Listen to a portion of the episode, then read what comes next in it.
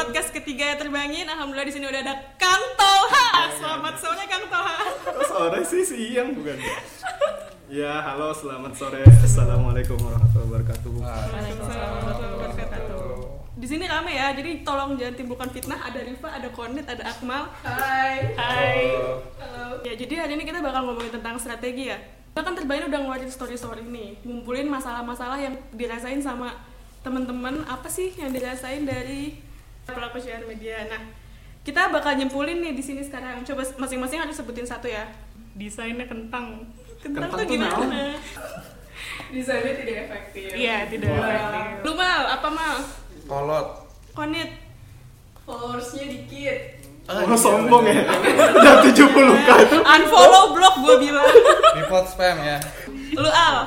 Jadi akun mading. Maksudnya itu kayak pastor-pastor lama Yang dan gak tepat sasaran gak sih?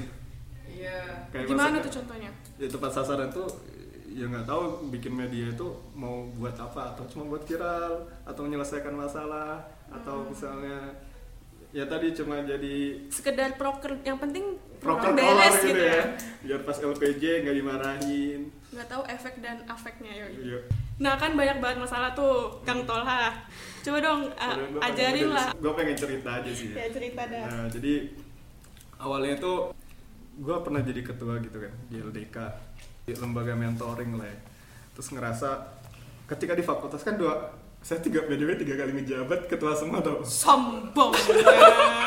karena karena kebetulan nggak ada kader. Nah akhirnya oh itu juga masalah kampus.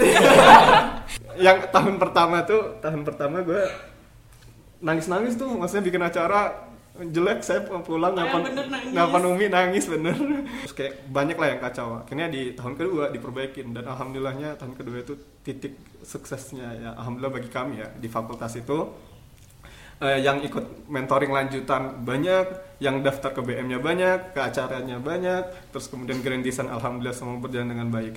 Nah, habis itu saya dinaikin ke tingkat universitas. Di enam fakultas ini kan beda-beda gitu karakternya. Jadi saya nggak bisa mindah ini. Yang yang bisa saya lakukan ketika saya di fakultas, saya pindahin ke universitas itu ternyata nggak nggak work gitu loh, nggak bekerja. Nah dari situ pas lulus akhirnya sedih gitu, merasa gelisah. Iya, lebih ke apa ya? Nggak merasa belum menyelesaikan banyak, belum meninggalkan banyak, belum memberikan manfaat. Nah di situ akhirnya saya merasa bahwa ada hal yang harus kita pelajari nih tentang namanya strategi. Maka dakwah kita atau usaha-usaha kita itu ya sebenarnya sebentar banget dan kita harus memikirkan bagaimana setiap langkah-langkah kita itu kayak punya bobot gitu. Efektif. Ya, punya bobot pahala pahala. Dari pengalaman itu akhirnya ya tahu juga bahwa medan medan di universitas dan fakultas itu berbeda. Beda ruang, beda juga cara kerjanya, butuh perlakuan khusus juga di setiap apa eh, ngelakuinnya. Terus eh, yang saya notice juga nggak ada strategi yang paling benar gitu loh ternyata tuh nggak ada strategi yang paling ampuh untuk menyelesaikan sebuah masalah. Tapi adanya eh, strategi yang memang tepat untuk masalahnya. Jadi bisa jadi memang strategi di perusahaan A misalnya atau di kampus A sukses di memang sukses di kampus A. Tapi pas dipindahin strategi yang ternyata nggak nggak nggak bekerja tuh di kampus B. Ya karena memang pertama banyak ada audiens yang beda interestnya beda. Jadi memang strategi itu nanti yang sesuai dengan kebutuhan kita dan masalah yang kita hadapi Jadi strategi itu kayak obat gitu gak sih Kang? Jadi kalau kanker tuh nggak bisa diobatin pakai obat pilek. Nah, itu Iya, bisa simpelnya bisa kayak gitu juga. ini kan banyak tuh ada masalah eh, share media tuh nah, ada satu kan yang tadi bisa jadi kesebut sama kita semua masalah tentang kalau LDK atau dakwah kampus itu tuh bikin program, bikin produk tapi sifatnya ikutin tren dan nggak tahu itu ampuh apa enggak buat masalahnya di kampus. Nah, Hmm. itu ya singkatnya cara menyelesaikannya kayak gimana sih gitu. Nah, ya benar. Jadi memang ada sih beberapa tahap untuk nge, apa ya, ngebuat strategi nih menyelesaikan masalah ini. Tapi ini bukan pakem ya by the way. Jadi kayak ini hal-hal variabel-variabel yang pertama harus kita ketahui gitu untuk menyelesaikan. Yang pertama itu adalah ketahui medan kita. Ini pertama ya dicatat teman-teman. Jadi kita ambil contoh yang paling enak sih ya pemuda hijrah dulu aja ya. Pemuda eh, hijrah itu di Bandung itu kan sukses ya alhamdulillah untuk membawa anak-anak muda mau eh, datang ke masjid kemudian ikut kajian. Nah akhirnya ini pemuda-pemuda yang di daerah lain akhirnya pengen ubah juga tuh pemuda-pemuda yang lain. Nah ternyata saya lihat beberapa tidak sukses. Maksudnya tidak Contohnya? sukses. waduh. Titin sama nanti. Sensor-sensor ya banyak lah ada beberapa yang ya jadi kalau bahasa kita ceringe ya. Kecilnya. apa cerins Emang gimana sih cara ngomongnya? gitu ya? cerins gimana? Ya gitulah ya. Jadi, kita tuh suka suka nggak sadar gitu bahwa ternyata beda ruang gitu. Ruang mereka tuh di Bandung. Dan kebetulannya sukses di luar itu cuma efek doang. Tapi sebenarnya memang disasar oleh eh, yang saya ketahui nih ya dan eh, pengamatan saya. Memang dia ngambil komunitas-komunitas gitu. Kayak skateboarder parkour kemudian apa lagi BMX. BMX kan kayak gitu-gitu tuh dihadirkan. Yang futsal juga. Jadi katanya Ridwan Kamil dulu kan orang Bandung itu ngumpul-ngumpul. Jadi komunitas. jadi komunitas ngumpul-ngumpul bikin apa jualan sesuatu. Nah kayak gitu tuh. Jadi ruang kita tuh beda. Kalau di uh, Jogokarian dia bilangnya wilayah dakwah. Wah, jadi setiap masjid tuh harus punya wilayah dakwah kalau nggak salah kalau di Jogokarian itu ada 4 RW yang dinaungi oleh Jago, Jogokarian nah, kayak- nah LDK berarti kan sekampus nah kalau LDF berarti Sefakultas. Nah, sefakultasnya kayak gitu tuh. Nah, gitu kan dari ruang-ruang itu akhirnya kita tahu tuh, misalnya eh, siapa akhirnya orang-orang yang menjadi eh, target-target eh, syiar kita sebagai muslim. Ya kalau misalnya kampus ya udah berarti kita mikir ini trendingnya yang di kampus, orang-orang di kampus. Nah, kalau misalnya di fakultas ya orang-orang fakultas gitu. Nah, itu yang pertama. Jadi tentang ruang gitu karena juga kalau misalnya kita nggak tahu ruangnya tadi kita juga bisa buang-buang tenaga terus nggak nggak tentu arah gitu kan karena nggak tahu siapa orang-orang di dalamnya jadi yang seharusnya kita melawan maksiat-maksiat yang ada di fakultas tapi kita malah mikirin yang terjadi di Indonesia gitu bukan nggak boleh la- lagi apa sekali lagi itu bukan nggak boleh tapi eh, ya tadi porsi-porsi peran-peran kita itu dimanfaatkan jadi yang pertama memang ketahui dulu ruangnya jadi kalau udah tahu ruangnya memang kita sekampus, oke, a beer in your mind, yes. Kalau kita mainnya di kampus gitu, jangan jangan mikirin yang terlalu lebar gitu. Itu yang pertama. Yang kedua, itu kan tadi kita udah oke udah tahu ya bahwa kita harus tahu ruangnya. Yang kedua adalah mendefinisikan permasalahan dan karakteristik audiens di dalamnya. Nah, jadi kita udah tahu nih ruangnya. Nah, sekarang kita cara tahu masalah di dalam ruang itu ada apa aja. Tergantung dari kepekaan kita. Terus kemudian bisa juga dari eh, apa ini? Pendidikan, keimanan, ma- ma- termasuk juga loh keimanan sih. Maksudnya kadang kita ngelihat orang nggak sholat aja, mungkin kita nggak gelisah. Tapi ya, mungkin ada sebagian orang yang ngelihat orang nggak sholat aja gelisah banget. Aduh ini teman saya tahu muslim kok dia lewat di masjid aja, sedangkan udah azan. Nah itu kan jadi masalah sebenarnya. Tapi nggak dilihat masalah bagi sebagian orang. Nah makanya ini harus di- digali tuh, di list banyak-banyak. Jadi apa aja yang benar-benar di ruangan tadi yang kita bilang di kampus, kita tahu benar-benar apa ruang apa apa masalah-masalah di dalam situ. Jadi kalau memang kalau kita misalnya tim di LDK, tanya itu dari masing-masing LDK. Eh LDK, masing-masing tim. Menurut lu apa nih masalahnya? Oh, gue merasa eh, anak-anak kita ini terlalu apa ya?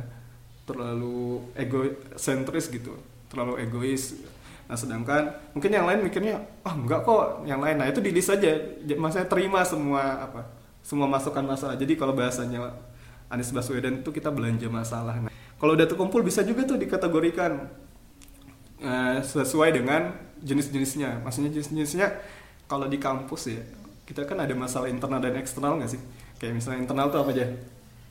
Loyalitas. Waduh, apalagi eh, misalnya VMG itu kan Waduh. internal. Waduh. Waduh, terus kemudian ini apa? Eh, Ninja Hattori kan hilang-hilang gitu. kayak nggak ada regenerasi Nah, Nah, atau kupu-kupu yang kerjaannya mahasiswa kupu-kupu apa? kuliah pulang, kuliah pulang. Bukan kuliah PUBG, kuliah PUBG. Oh, aduh. Yang, kayak gitu-gitu tuh. Ya maksudnya eh, kita kategorikan kalau bisa, karena kita juga biar metakan masalahnya itu jelas gitu loh. Jadi emang masalah eh, di kampus kita misal atau di ruangan itu, oh ternyata lebih banyak di internalnya dibanding dengan eksternalnya. Ternyata eksternalnya udah cukup kondusif misal, atau ternyata kebalik internal kita kuat, tapi selama ini gerak kita nggak ada yang bisa eh, menyelesaikan masalah-masalah yang ada di eksternal. Maka ini harus di eh, list tadi. Nah misalnya ya itu tadi. Tadi ada apa aja? Yang saya bilang tadi tentang uh, likes-nya kurang kalau dari Hmm. Tekoni terus kemudian ada lagi uh, desainnya Kentang. kentang ya Allah kentang. Kalian cari sendiri nggak mungkin ada subtitlenya soalnya ini. Kentang terus eh, kemudian ininya apa? Kayak mading doang. Ah, mading. kerjanya cuma tempel repost eh, remake dijadikan syari di dubbing ya kayak gitu gitu nah itu kan masalah tapi itu lebih ke masalah eh, teknis kita tapi yang sebenarnya yang kita tanyakan itu dibuat untuk apa gitu itu tuh misalnya kita ngebuat parodi Dilan kita mau ngasih tahu apa sih di parodi Ya Dilan itu? biar proker saya kelar aja kak. ya nah jadi yang kayak gitu-gitu jadi itu sebenarnya harus ta- eh, tahu dulu gitu loh ini mau menyelesaikan masalah yang mana atau ini mau ngedeliver eh, Pesan apa? pesan ya, apa itu apa? nah Oh. nah setelah sudah tahu defend masalah kita eh, pahami juga karakteristik audiensnya kalau di Jogokarian wah saya sekolah sekolah banget ya baca tentang Jogokarian karena memang dia benar-benar melakukan apa ya sensus gitu di setiap warganya. Nah itu yang kita harus lakukan juga di setiap nggak setiap mahasiswa ya. Kalau kalian kuat mah lakuin aja. Ya maksudnya at least di fakultas kita di jurusan kita tuh punya sampel-sampel persona. Persona itu apa ya lebih tepatnya ya kayak karakteristik orang ini interestnya anak-anak eh, fakultas kedokteran ini apa kemudian apa yang menjadi kesukaan eh, mereka ap- di mana tempat nongkrongnya abnormal atau Dunkin Donuts kan? Atau di apa sih? Jeko. Jeko ya kayak gitu itu kan harus kita tahu tuh. Biar kita tahu juga nanti gimana ngedeliver ya, ide-ide mereka eh ide-ide mereka apa ya konten-konten kita ke mereka dan bisa diterima. Kita juga harus tahu apa yang biasa dikonsumsi mereka maksudnya dikonsumsi mereka tuh Hiburan. Aureceh kah, Ya, hiburan 9 kah atau Wancak atau Muslim Daily waduh atau Amar Channel gitu. waduh dari OEC Eh maaf ya ini nggak disponsori mereka semua ya. Tapi intinya atau aku tanpa batas mungkin Waduh. Iya. Nah, kayak gitu-gitu tuh kita paling nggak harus tahu juga makanya uh, frasa kita harus apa masuk membaur tapi tidak melebur ya kayak gitu. Kita tahu apa kebiasaannya. Itu itu salah satu bentuk yang enak banget loh kalau kita kalau misalnya kita di kelas ya kita- paling nggak kita tahu teman-teman kelas kita kesukaannya apa kan. Kita tahu di mana tempat nongkrong ya kan jam segini di mana. Kemudian bahasan di grupnya apa apakah pakai grup WhatsApp atau grup lain ya kan. Atau pakai telegram. Nah, atau pakai Tapi intinya paham ya. Jadi kita sampai kayak bisa tahu karakteristik uh, orang-orang kita, kita tahu uh, siapa aja di dalam uh, ruangan ini itu kehidupannya seperti apa. Yang pertama tadi tentang ruang, mengetahui ruang. Yang kedua itu tentang mendefinisikan masalah dan memahami karakteristik audiens. Yang ketiga adalah menentukan goalsnya. Nah ini ini yang tadi saya bilang kita ngebuat kayak parodi juga itu mau ngapain sih? Untuk siapa? Siapa yang mau menikmati? Nah itu goals ini yang menentukan kita mau apa yang mau dicapai, visi besarnya kita tuh mau ngapain. Apa yang mau diubah? Nah, apa yang mau diubah, apa yang mau diperbaikin. Kalau di LDK kan kita cuma 2 sampai 3 tahun paling lama kan. Siapa yang berapa tahun? 3 tahun ya paling lama ya. Eh, kalau di luar kampus tuh kan jauh lebih besar sih. BDW kalau di luar kampus tuh kita kayak nggak punya masa apa ya, expire-nya karena memang ma- ya sampai kita mati lah bahasanya. Jadi memang dengan goals ini kita bisa apa ya, mengatur umur hidup eh, konten-konten kita, pergerakan-pergerakan kita itu kita cari tahu tuh di sini gitu. Jadi dengan goals ini tuh paling nggak kita mau eh, buat konten ini dengan durasi berapa lama. Karena ya kita yang bisa ngelihat tadi hasil belanja masalah kita, kita melihat bahwa misalnya tadi ada masalah tentang VMG misalnya, virus merah jambu, ini mau diselesaikan. Nah, ini bisa dalam berapa bulan sih diselesaikan atau dalam berapa tahun harus diselesaikan. Nah, itu kan harus ditentukan goalsnya dulu berapa lama. Nah, itu yang kadang kita hilang gitu. Akhirnya banyak, saya tuh melihat beberapa akun dakwah udah mulai turun banget beberapa konten tuh udah mulai redup. Karena ya tadi dari awal dia nggak punya fondasi. Fondasi. Contoh-contoh. contohnya aduh siapa yang bisa saya bilang? Taklim alif. Aduh maaf nih mercubana sorry banget. Soalnya dulu iya, iya, ya. daya ya. iya daya karena daya ganggu daya ganggu. Karena bener cuy ya, tahu kan taklim alif yang video-videonya Ah, yang sholat eh, gimana? Iya, ya, iya. itu tuh keren banget sih. Saya maksudnya masih awal-awal maba ngelihat kayak gituan tuh kayak wah ini keren banget. Nah, jadi yang kayak gitu-gitu tuh sekarang nggak kelihatan lagi gitu kiprahnya. Ya, nah kayak gitu itu kan akhirnya kenapa bisa berhenti itu kan harus dicari tahu apakah memang masalahnya udah kelar? Tapi yang jelas kita harus tahu bahwa setiap apa ya konten setiap karya itu punya umurnya gitu. Bisa jadi konten-konten yang kita yang dulunya cuma taruh gambar laut kemudian foto pakai word art itu masih bisa diterima. Sekarang tuh nggak bisa diterima. iya kan misalnya itu ternyata udah nggak bisa diterima lagi karena udah expired kontennya. Nah itu kan harus kita cari tahu. Nah itu goals goals itu yang harus kita apa ya kita cari tahu gitu. Ini juga yang akan menjadikan kita nggak pede gitu loh kita pede merasa kita sukses sebenarnya kita nggak sukses. Karena kita ya selama ini naruh goalsnya itu ngawang aja. Berarti harus ada indikator keberhasilan ya. benar harus ada. Jadi kayak Jogo Karyan lagi. Dia tuh bisa menurunkan orang yang tidak sholat eh, yang awalnya Menurunkan ratusan. menurunkan jumlah, Jumlah. orang yang sholat. Menurunkan jumlah orang yang belum sholat menjadi Sudah eh, sholat. sudah sholat. Jogo Karyan tuh dia punya data kan waktu sensus ada sekitar ratusan gitu yang belum sholat. Nah dalam 10 tahun ya yang punya data yang saya dapat sekitar 10 tahun tuh bisa nurun sampai jadi puluhan cuy. Eh belasan malah. 17 ya 17 kalau nggak salah datanya. Nah itu tuh kan kayak kita ketahuan bahwa memang dakwah kita usaha kita dakwah di sini jelas Ada- gitu. ada ada, perubahannya ya. ada buahnya. Ya walaupun ya ini menyem- menyampingkan masalah berkah-berkah dulu ya. Maksudnya kadang itu menj- menjadi kita buta juga. Yang penting berkah lah yang penting lillah ya kayak gitu gitu lelah asal lillah Waduh. Padahal kalau lillah nggak ada la- kata lelah. Iya, ya kayak gitu. ya jadi maksudnya dengan ada itu kita tahu gitu milestone kita di mana. Coba kalau misalnya kalian eh, teman-teman semua nih tanya ke diri kita sendiri atau misalnya tanya di kampus-kampus eh, masing-masing teman-teman teman-teman masing-masing Eh, udah udah udah sejauh apa sih milestone-nya? Udah masalah apa aja yang dikelari oleh generasi sebelumnya? Udah tahukah apa aja yang dikelari oleh generasi sebelumnya tuh masalah-masalah yang mana aja? Jadi kita jangan sampai ini kita ngulang gitu loh. Maksudnya yang tahun kemarin udah sama. sama lagi sama gitu. lagi Terus masalahnya itu lagi. itu lagi yang diundang itu juga lagi kan maksudnya jadi kayak aduh berarti kita itu memang itu udah out of iya Iya. udah ngawang banget gitu kita kayak makanya kita kayak merasa baik-baik saja sebenarnya kita nggak baik-baik saja kita merasa sudah jauh berjalan padahal kita jalan di tempat nah itulah kalau misalnya kita nggak punya goals maka ini tuh eh, jadi next selanjutnya setelah tahu masalah karakter kita mau ngapain apa yang mau dipilih terus sadari cuy kalau misalnya kita nggak bisa menyelesaikan semua masalah gitu loh Hmm. Jadi nggak usah batu. Saya mau proker 10 gitu. iya jadi 10 10 ya berat. jadi kita harus memang cari tahu kalau memang pengen merasa Semuanya masalah. Iya. Eh, apaan sih? Semuanya pengen dijadiin Iya, proker, semua kita harus pilih-pilih. dijadiin. Sadari ini harus harus banget. Oh berarti harus ngukur diri ya Nah. SDM kita berapa, duit kita berapa Benar. Itu sebenarnya step selanjutnya ini bisa di spoiler gini ya. Bentar, Gimana? bentar, bentar, biar teman-teman terbangin pada ngerti. Takutnya kan kan terbangin kan media ya. Heeh. Kadang kita teman-teman ki- kita atau teman-teman di luar tuh masih nggak bisa ngebedain perbedaan broker sama konten. Apakah dua ini sama sebetulnya? Oke, kalau menurut saya ya, proker itu lebih ya tadi yang goals kita.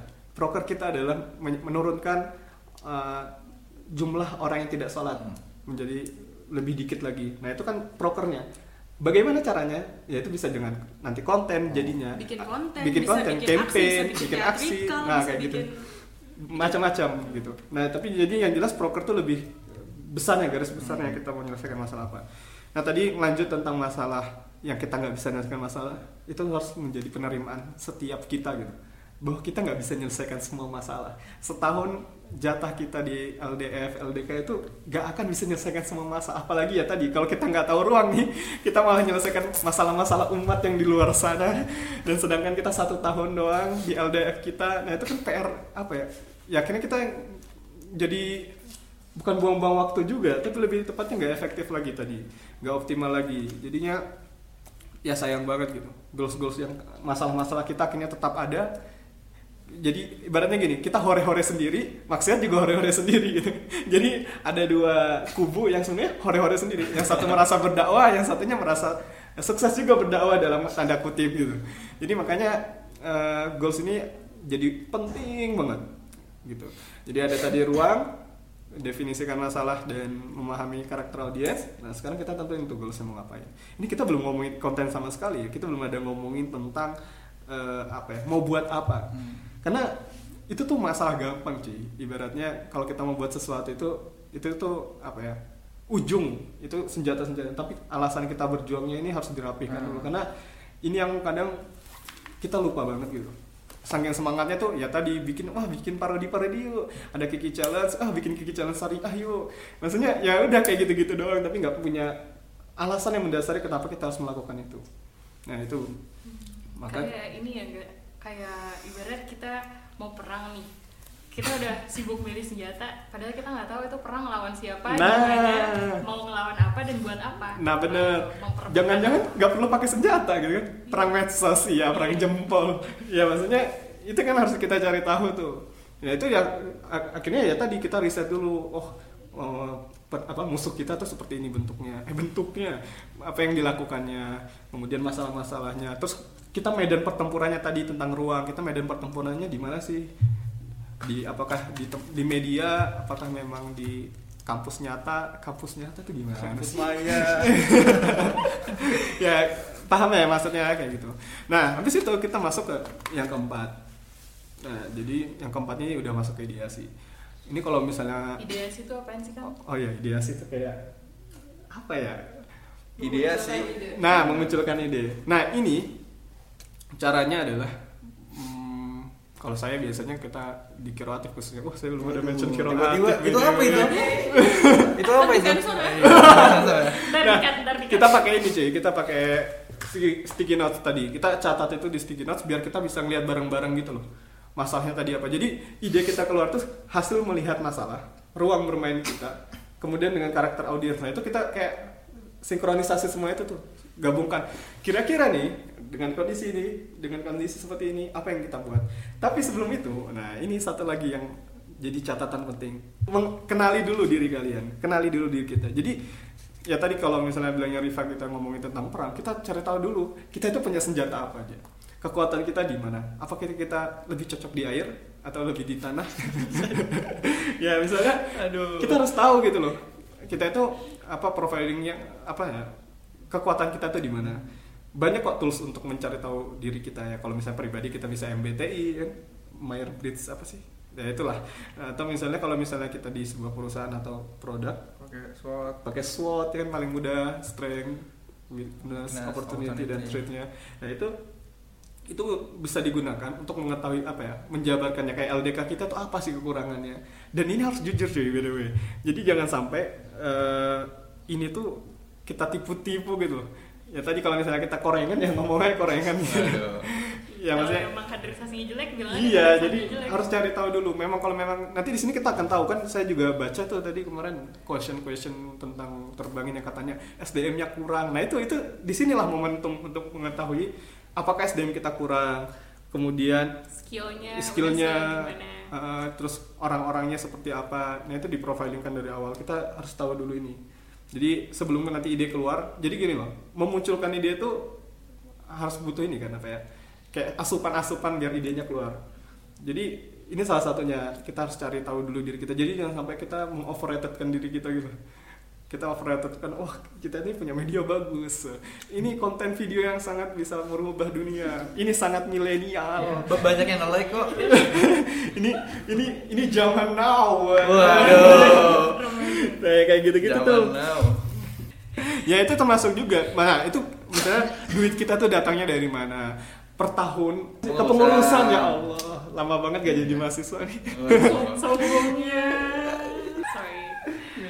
jangan sampai berarti eh, dalam sebuah kepengurusan tuh kita lebih sibuk cari uang daripada meraih goalsnya Bener. Terus yang Iya sibuk ngedandus ya. tapi proker-prokernya nggak jalan gitu ya.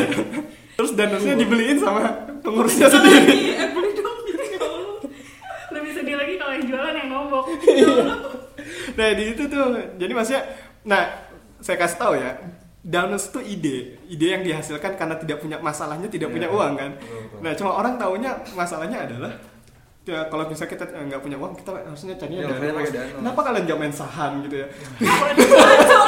Ya contoh. Kan cara itu kan contoh aja. Goror boleh. Kok, iya. Ini udah saham. Iya, Atau investasi, bayangkan duit, duit, duit apa, duit, duit abadi LDK kita itu kita masukin saham gitu. Yang per 6 bulan kita bisa ada duit abadi kan. investasi emas dong Nah, ngejaga maksudnya intinya gitu. Maksudnya ini kan ide akhirnya yang keluar tuh. Ide di mana kita nggak punya duit, kita sadar kita nggak punya duit, terus kemudian masalah kita ada kalau mau buat acara harus punya duit. Nah, kita akhirnya keluar ide harus cari duit. Cuma ide yang selalu dipakai adalah Danus. Nah, makanya kenapa ya tadi kenapa nggak liar-liar gitu, cek jadi makelar gitu. asal jangan jadi koruptor ya duit SPP dijadikan broker. Nah itu kayak gitu gitu kan dengan mengetahui kayak gitu kita bisa ini bisa memetakan lagi nanti ide-ide apa yang bisa kita untuk apa ya kita buat uh, pikiran-pikiran seperti apa yang bisa kita berikan untuk bisa menyelesaikan masalah-masalah itu. Nah kalau udah profiling tuh, nah tadi ide mari kita keluarkan. Ide-ide kreatif. Ya tadi kan kita bagusnya ini memang ditulis gitu di papan tulis atau misalnya pakai sticky notes kalau di dinding intinya kita bisa ngelihat bareng-bareng kemudian kita ngobrol nih cuy kita punya masalah ini cuy. Kemudian kondisi kita seperti ini audiens kita seperti ini. Nah kira-kira apa nih idenya? Oke kita ngomongin tadi tentang tipsen ini seru sih. Kayak misalnya kita punya masalah di fakultas kita yang titip absen buset itu kayak rame banget. Kayak orang antri sembako misalnya gitu. Maksudnya yang nitip absen tuh bener-bener banyak misalnya gitu. Jadi yang seharusnya datang 10 orang yang datang minus tiga iya. Wah, coba minus tiga. Itu gimana ceritanya? Minus tiga jokesnya nggak kenal banget sih. Gue mikir dulu. Ya misalnya Saya salah satunya gitu. ya titip absen saya itu masalah. Akhirnya kita ide apa? Tadi kita udah tahu uh, apa? Masalahnya titip absen nih benar-benar karakter orang-orangnya kenapa titip absen ini? Kenapa? Kita harus tahu oh ternyata mereka pegang banyak UKM gitu atau memang dia Mager aja. mager aja nah itu itu bener loh itu harus kerja dicontoh. mungkin kerja part iya time. kerja apa menafkahi keluarga jangan suzon aja Iya. jadi memang dari itu kita tahu gitu kemudian kita tahu diri kita juga kita punya apa SDM kita seberapa kita bisa bikin apa nih jangan sampai kita ya orangnya cuma 4, 5, 6 terus pengen bikin hijrah fest gitu Nah, itu kan nggak ya apa ya jauh banget gitu jadi ide-ide ini keluar ya dari hasil melihat itu jadi kita biar kita nggak asumsi gitu maksudnya asumsi itu kayak ah gue lagi sakit hati nih kita bikin kajian tentang latahzan yuk waduh ya kan nggak bisa kayak gitu ini dong ini lagi akhir zaman nih Iya, kita bikin Bikin kajian akhir kajian. zaman. Sedangkan terpampang nyata tadi kita mendefinisikan masalah, masalah kita tuh ini. Jadi jangan sampai meot, meot, merot. Jadi masalahnya salah salah satu yang paling ramai yang saya dengar di waktu mengisi di beberapa kampus, hampir semua saya kalau nanya ke mereka, bikin-bikin workshop kecil-kecilan, mereka tuh nulis liberalisme itu ada di kampus mereka. Tapi pas saya tanya apa yang pernah saya, kalian buat tuh nggak ada sama sekali yang mengarah ke liberalisme. Maksudnya mengarah liberalisme itu kayak Untuk menyelesaikan Menyelesaikan bener masalah. bikin kajian kayak misalnya andakah yang liberal atau saya yang liberal gitu Oh. datangkan pembicara yang handal masalah kayak gituan misalnya kang Akmal Syafil Syafril kayak gitu gitu nah terus kan orang terlalu terpaku dengan kata kreatif nih. Gue kadang bingung nih eh, apa ya kalau menjelaskan definisi tentang kreatif coba kalau ditanya kalian menurut kalian kreatif itu apa? Kreatif itu bisa menciptakan. Bisa menciptakan. Tekonit tekonit apa? Kreatif itu bisa menyelesaikan masalah-masalah. tuh. Akmal? Impactful. Tuh Asik. impactful. Orang-orang tuh suka bi- eh, bukan bingung sih. Banyak gitu makna kreatif yang kita apa ya yang ada di pasaran gitu. Kreatif tuh baru berbeda warna-warni. Warna-warni ah macam-macam lah gitu. Nah tapi tapi menurut saya kreatif itu jadi kreatif tuh kalau kalau di kreatif ya kita punya eh, definisi bersama-sama bahwa kreatif itu adalah tentang bagaimana bermain dengan batasan. Jadi kita punya ruang semana masalah kita apa nah di situlah nanti ide-ide kita muncul gitu. dan kreatif ini bisa dilatih by the way jadi nggak bisa apa ya nggak ada orang yang tel- eh, terlahir dengan bakat kreatif karena kreatif ini lahir dari banyak hal gitu hasil observasi uh, trial and error kemudian uh, konsumsi micin harian konsumsi maksudnya konsumsi meme harian Soalnya kita Zaidul Akbar. Waduh, Nggak, Allah. canda-canda. aduh Allah ya maksudnya meme harian jadi maksudnya kita tahu nggak meme yang lagi rame apa lucuan yang lagi trending apa kemudian yang macam-macam lah itu tuh bisa dijadikan salah satu uh, bahan bakar biar ide kreatif itu keluar jadi kalau bahasa kasarnya ini kasar bangetnya apa yang mau dipikirin kalau nggak ada isinya gitu paham nggak Apa yang mau dikeluarin kalau Iya. kosong? Nah gitulah sederhananya. Nah ide-ide kreatif itu kayak gitu. Oke nih misalnya ada satu contoh nih. Kita disediakan di depan kita ada papan, kayu, palu, paku semua disediakan. Nah goals kita, masalah kita adalah kita harus menyeberangi sebuah sungai. Nah kira-kira apa yang akan dibuat oleh Akmal? Akmal buat apa kalau dikasih gitu? Saya bikin apartemen. Oh, luar biasa nah bikin jembatan lah. nah, bikin jembatan ini Itu udah paling kalau saya saya jual palu sama kayunya terus saya naik gojek nyebutnya oke nah, nah itu itu tapi itu nggak jangka panjang jadi nggak ada yang dihasilkan buat generasi selanjutnya Wah, bodoh. Terus kalau Kan Riva, cuma- coba. eh, aku pura-pura bodoh aja di sini guys. Astagfirullah. Terus terus. Aku mau bikin flying fox. Flying Fox, Dekonit. Oh, berenang aja. Tuh, tuh, bayangin tuh. Jadi maksudnya kita aja berbeda.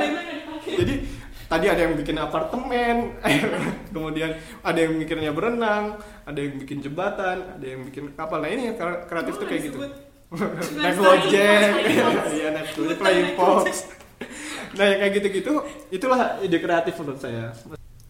Jadi semakin banyak pengetahuan kita, referensi kita, ilmu dan segala-galanya, ide itu bisa mudah keluar gitu loh.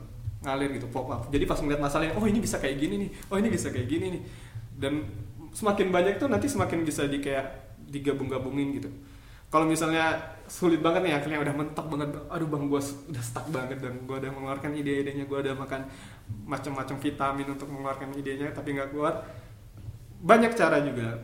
Salah satunya adalah yang biasa banget kita dengar amati tiru modifikasi. Ini salah satu yang sebenarnya ampuh-ampuh nggak ampuh sih. Ampuh-ampuh nggak ampuh tuh misalnya gini eh, apa? Misalnya Dilan lagi hit semua. Wah, bikin pada bikin Dilan. Dilan eh astagfirullahaladzim. Semua pada bikin Dilan tadi nah itu jadi maksudnya kita bisa melihat itu sebagai kompetit bukan kompetitor ya lihat di kompetitor kita. Siapa misalnya musuh-musuh kita ya. Tadi di dalam kita tak ketahui juga ya di dalam ruang bermain kita tadi yang kita poin pertama tadi di situ tuh bukan ada kita aja sih jangan salah maksudnya ada juga orang-orang yang memperjuangkan kepentingan kepentingannya. Nah kalau misalnya kita lihat mereka jauh lebih sukses dengan eh, apa kalian bilang ah punya saya yang apa punya saya yang faedah nggak ada yang lirik tapi kalau yang receh-receh lirik. Itu itu bukan belum tentu salah besar gitu loh. Tapi ya memang eh, ada cara yang memang harus kita apa ya, pelajari gitu. dan itu bisa jadi kita pelajari dari musuh-musuh kita. Kita lihat oh dia ngadain acara seperti ini. Oh anak-anak suka dengan apa, apa ya, penyampaian dengan gaya-gaya seperti ini. Ini bisa kita amati tuh kita bisa ambil kemudian kita sesuaikan dengan kemampuan kita tadi hasil profiling. Oh kita nggak bisa banget buat seperti ini. Mau nggak mau kita harus turunkan levelnya menjadi seperti ini. Nah itu salah satunya untuk mengeluarkan ide. Hmm, kita juga bisa ya tadi mengkomparasi dengan eh, LDK-LDK yang ada atau yang sudah sukses dengan masalah yang sama. Paham nggak sih? Jadi jangan sampai ya tadi pemuda hijrah itu menyelesaikan masalah A. Kemudian kita punya masalah B. Kita pakai eh, cara pemuda hijrah yang A gitu. Itu kan nggak akan kena gitu. Nah itu yang seharusnya eh, apa ya ada di dalam pikiran bukan dalam pikiran kita. Ya. tapi benar-benar itu yang menjadi ide-ide yang kita keluarin gimana caranya. Itu sih paling poin 4 yang paling penting banget sih. Paling penting banget sebelum kalian membuat. Sebenarnya masih panjang. Maksudnya masih panjang tuh nanti kita ngomongin tentang ide ini gimana caranya dijalankan. Bagaimana cara memarketingkan ide-ide kita. Itu cerita lain. Tapi eh, hasil dari yang saya amati kita rata-rata lupa tentang ini empat poin ini.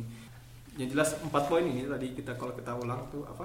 Apa? Anak-anak kenali ruang. Kenali ruang kita ruang bermain kita. Yang kedua Kenalin masalah kita apa? kenali masalah dan keta- ketahui audiens kita. Yang ketiga? Ideasi.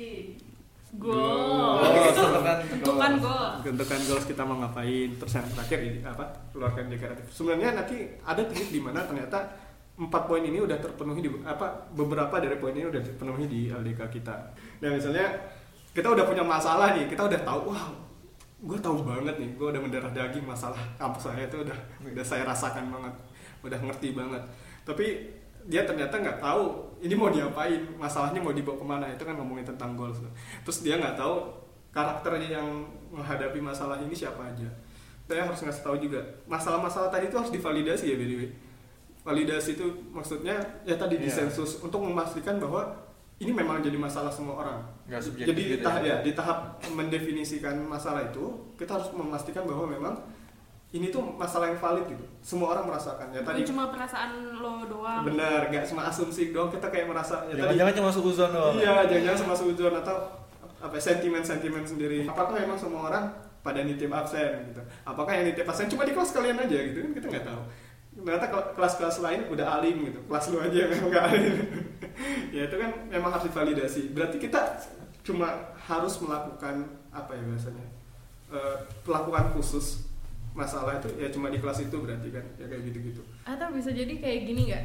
Kayak misalnya kita ngiranya tuh orang tipsen karena mager, ternyata itu tadi dia melakukan pekerjaan-pekerjaan mulia di luar sana menafkahi Nah. keluarganya. itu bisa jadi juga kan jadi kayak merasa, merasa kita udah paham banget udah udah ngerti-ngerti macam-macam padahal ternyata dia so sotoy aja gitu merasa tahu pede gitu ya. kenyataannya nggak kayak gitu nah itu tadi ngomongin tentang saya lupa mention sih tentang definisinya itu sih paling. Kalau misalnya mau contoh lagi tentang kreatif nih nah ini ini salah satu langkah yang udah kami lakukan. Di kreatif kita tuh ngedevelop ini sekitar 9 bulan. Banyak 9 kayak bulan. ibu mengandung. Bener kayak ibu mengandung. Jadi kreatif itu wah dari tadi gitu ya. Kita awal-awal mulai itu Januari. Sombong. Belum ada apa ya nanti siap-siap pak siap-siap. Ya Januari itu inisiasi dari teman gua namanya Zakia Salihah. Oh ya masya allah. Dia Salah. Salihah ya. Jadi dia dia ngubungin gitu al kita bikin sesuatu. Itu belum ada punya nama by the way. Kita cuma pengen bikin project. Dari situ projectnya kelihatan bagus nih.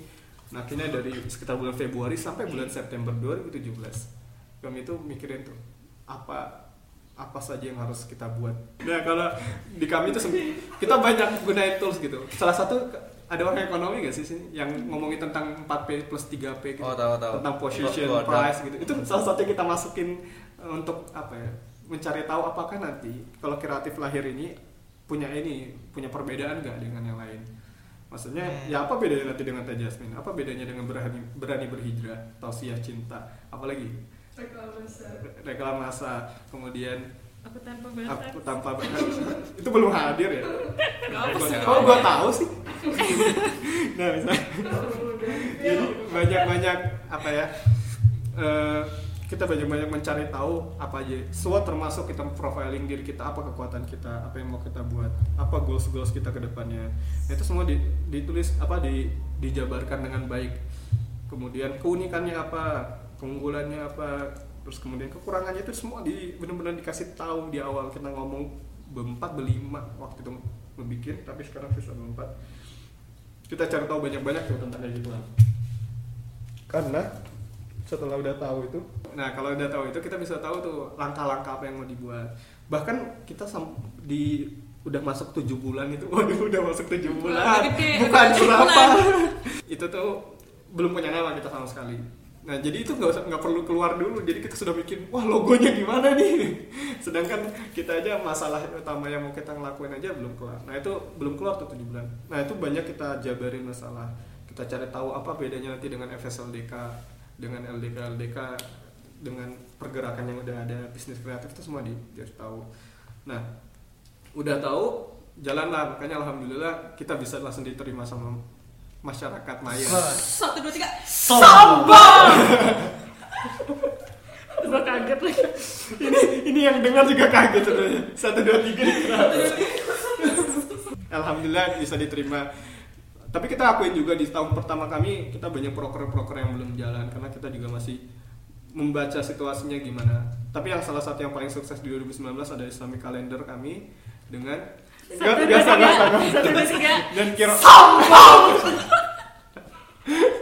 Eh, salah satu produk kita tentang kreatif. Nah sebenarnya kalau misalnya kalian pikir-pikir ya, kalau misalnya lihat kreatif, kreatif itu nggak ada bedanya sama yang yang ada-ada.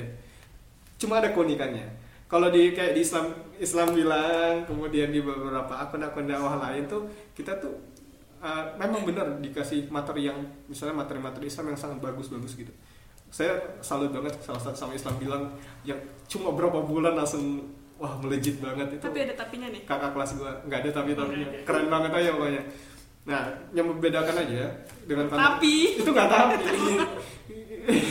Harus off the record gak nih? membedakan tuh maksudnya eh, mereka semua memberikan konten-konten islami tentang misalnya ayat atau kajian atau insight tentang Islam.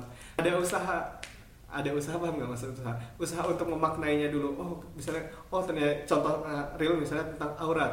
Oh aurat tuh harus ditutup. Tuh mikir sampai rumah tuh masih mikir aurat yang tertutup tuh seperti apa? Misalnya seperti apa tuh yang harus menutup eh, sampai bawah dan lain-lain seluruh tubuh dan lain-lain. Nah di kreatif kita buat itu jauh lebih mudah. Yaitu ditinggal disuapin gitu. Makanya bentuknya eh, intinya gini. Perempuan harus menutup aurat misalnya. Masalahnya itu kan perempuan harus menutup aurat nah terus gimana caranya? Ya terserah aja. Nggak ada kok ayat yang menyuruh kita pakai kaos kaki. Tapi nyuruh menutup aurat. Yang mau pakai karung mau pakai kresek mau pakai sepatu boot ya itu terserah kali ya ya tapi kan itu sulit kalau kayak gitu. Masa kalian datang ke kajian sek, sek, sek, sek, gitu. Pakai plastik. Ya plastik Indomaret semuanya Alfamart gitu kayak plashu gitu. Iya, aduh. apa itu? Nah itu salah. Kenapa ada sublim apa subliminal message?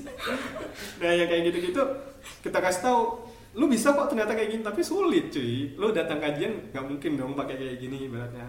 Nah ya udah paling benar pakai kaos kayak sesimpel itu. Dan kita sajikan juga dalam bentuk infografis biasa yang sebenarnya kalau pakai video jauh lebih bagus juga. Tapi alhamdulillahnya ya tadi memang karena penyajiannya dibentuk dengan grafis kemudian kemudian di disuapin ada satu yang kami notice sebenarnya. Karena setiap kita itu eh, apa ya pengen yang pasti yang jelas gitu. Dan pengen yang mudah gitu. Karena kalau misalnya udah mikir gitu kan akhirnya kayak nanti kalau ketemu mau- udah mau keluar nih mau jemur pakaian di luar kemudian belum pakai kaos kaki terus mikirnya aduh ini gimana ya cara nutupnya? Oh iya bisa pakai kresek nih atau pakai sepatu boot nih. Ya kayak gitu gitu loh. Karena dekat sama kita akhirnya kita itu merasa apa ya related gitu. Relate banget nih sama gua ya kayak gitu gitu nah itu salah satunya. Yang pun apa produk yang menurut kami alhamdulillah memberikan banyak manfaat